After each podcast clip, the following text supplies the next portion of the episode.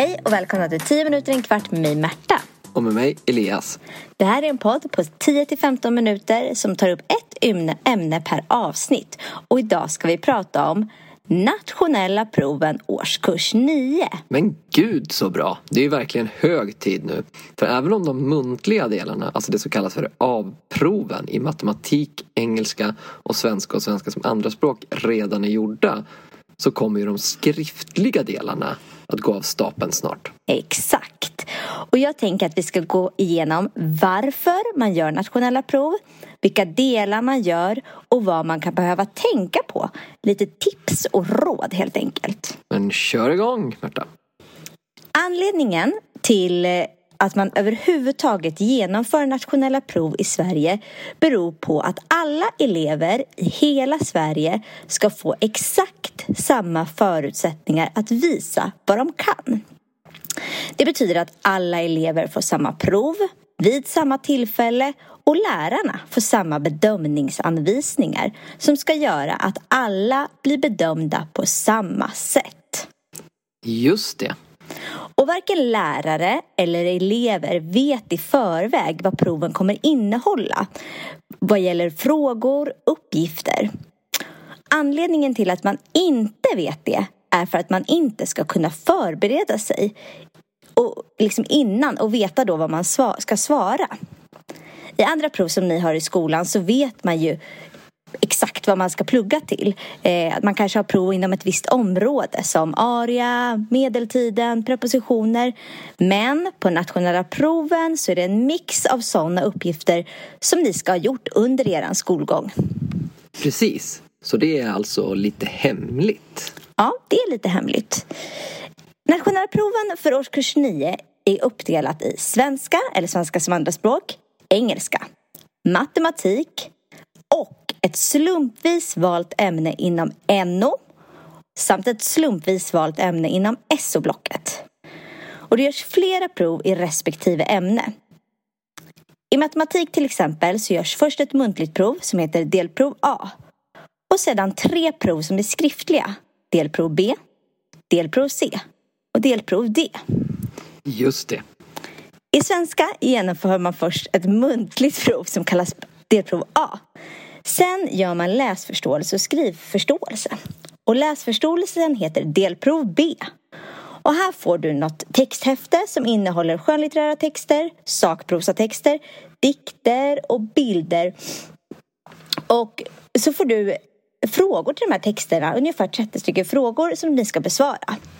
Skrivprovet då, det heter delprov C och då får ni välja mellan tre stycken skrivuppgifter. Och alla de här uppgifterna knyter på olika sätt an till ett tema för det här provet. Eh, och det här temat vet inte ni om för provdatumet. Okej. Okay. Och så var engelska. I engelska kör man först ett muntligt prov, delprov A. Man, man, känner att det följer ett visst mönster här med vad proven heter. Men som sagt var, engelska muntliga, delprov A. Sen följer ett prov i läsa som heter delprov B1, lyssna, som heter delprov B2 och till sist skriva och det heter delprov C. Just det, men det här är väl inte allt, eller hur? Nej, du som går i årskurs 9 ska, 9 ska också göra ett prov i NO och SO. Och det är ett prov i respektive ämne då? Mm, i NO består provet av två skriftliga delprov. Kan du gissa vad de heter? Eh, delprov A och delprov B. Helt rätt. Mm. Och i SO gäller exakt samma sak, alltså två stycken skriftliga delprov. Men hur vet man vilket ämne SO-blocket respektive NO-blocket som faktiskt kommer på det nationella provet? Alltså hur vet man om det blir religionskunskap, historia, samhällskunskap, geografi, fysik, biologi, kemi, eller liksom, vilket av dem blir det? Ja, det är den Statistiska centralbyrån som tagit fram en modell som de använder för att fördela ämnena jämnt mellan landets skolor. Ah, jag fattar. Så nu har vi alltså gått igenom alla delar då.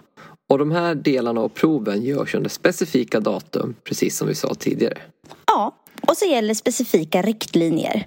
Att man inte får ha sin telefon, man behöver vara i tid, vilket man såklart alltid ska vara, det vet ju ni. Och eh, ja, det ska helt enkelt gälla exakt samma sak för alla elever. Mm, men du, det är ju ganska många elever i skolan som har speciella anpassningar. Många elever har ju olika behov och de som är vana har rätt till vissa anpassningar, exempelvis att få lite längre tid på sig när de skriver prov, får de inte det under de nationella proven? Eh, bra fråga. Jo, det, det som gäller är följande. Du som är i behov av anpassningar har rätt att få det. Och du behöver inte ha en specifik diagnos för att ha rätt till anpassningar. De här anpassningarna som du eventuellt ska få kommer du i god tid att få reda på innan provet av din lärare. Så man kollar med sin lärare då helt enkelt? Ja, exakt. Men de här proven görs ju precis som vi har sagt nu på specifika datum.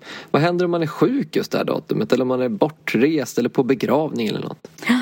Eh, det är inte alls bra. Eh, då är det upp till skolans rektor att besluta om huruvida man kan få göra provet i efterhand eller inte. Men varför kan det bli så att man inte får göra det efterhand?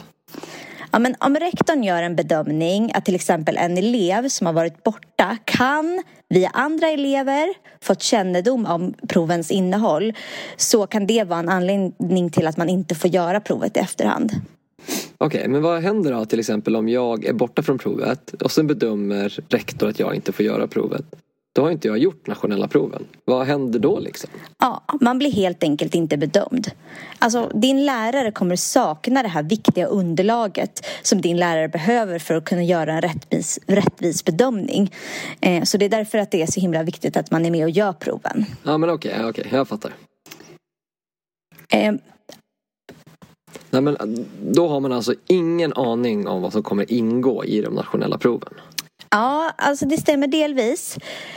Man har ju ganska mycket information.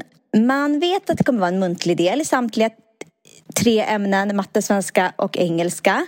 Man vet att man ska skriva och läsa eh, och, eh, och kunna visa på hörförståelse även i engelska. Så att det som är, det är att man, man, kommer, man vet ungefär hur proven kommer vara och vad det kommer vara för typ av frågor. Men man vet inte temat, jag vet inte vad det kommer handla om. Men jag ska ju visa att jag kan läsa, att jag kan skriva, att jag kan svara på frågor. Eh, till exempel. Okej, okay, så summa summarum då. Träna på att Träna på matematiska begrepp, träna på att läsa svenska, eh, träna på olika texttyper och träna på att skriva. Då. Ja, och för NOS så kan man ju liksom försöka påminna sig om olika eh, begrepp också och, eh, och sådär. Men det är svårt att träna efterhand, det är så många ämnen så jag tror man får lita på att det här har jag lärt mig i skolan och inte känna sig för stressad för det. Uh. Det här känns otroligt mastigt måste jag säga. Ja, men man får försöka lugna ner sig och som, som jag sa, lita på att jag kan det här nu kommer faktiskt ett tips på om man känner att man vill öva lite extra så finns det faktiskt läroböcker som heter Studieguide till de nationella proven i både svenska, engelska och matte. Och där får man träna på delprov som liknar de riktiga nationella proven. Men superbra tips! Och de här är ju dessutom gjorda av legitimerade lärare. Mm, exakt. Men slutligen då, då, du som är lärare och som har gjort massor av nationella prov. Vad är ditt bästa tips till den som ska genomföra de nationella proven? Ja, men här kommer de. 1. Var utvilad. Se till att du sover gott natten innan prov. Och för att enklare somna så rekommenderar jag att du gör ett träningspass på kvällen innan eller går ut och går en rask promenad eller på något sätt försöker ta ut dig fysiskt. Och så självklart, använd inte skärm innan du ska sova. Nummer två, ät en mättande frukost, typ havregrynsgröt, ägg, yoghurt, macka. Tre, när du eh, väl sitter på provet, läs varje fråga noga och se till att du verkligen besvarar frågan och gör uppgiften. Fyra, om du fastnar med en fråga, gå vidare och återkom sen till frågan i slutet av provet. Och nummer fem, försök att svara på alla frågor. Om det gäller till exempel matten, försök åtminstone att rita en bild och testa dig fram. Även om det är så att du inte kommer fram till rätt lösning på uträkningen till exempel så kan den här ritningen eller din, ditt försök till lösning ge dig något eller några poäng. Tack snälla! Var det här allt för nu? Japp.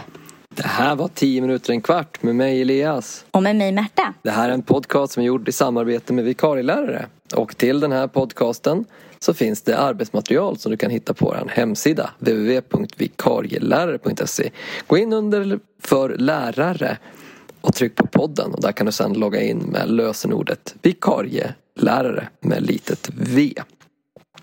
Du hittar den här podden i våra sociala kanaler. Vi finns på Facebook som vikarielärare, gå in och gilla. Och vi finns på Instagram som vikarielärare, gå in och följ oss där. Du kan också hitta den på Spotify och i Apple Music och alla andra ställen där poddar finns.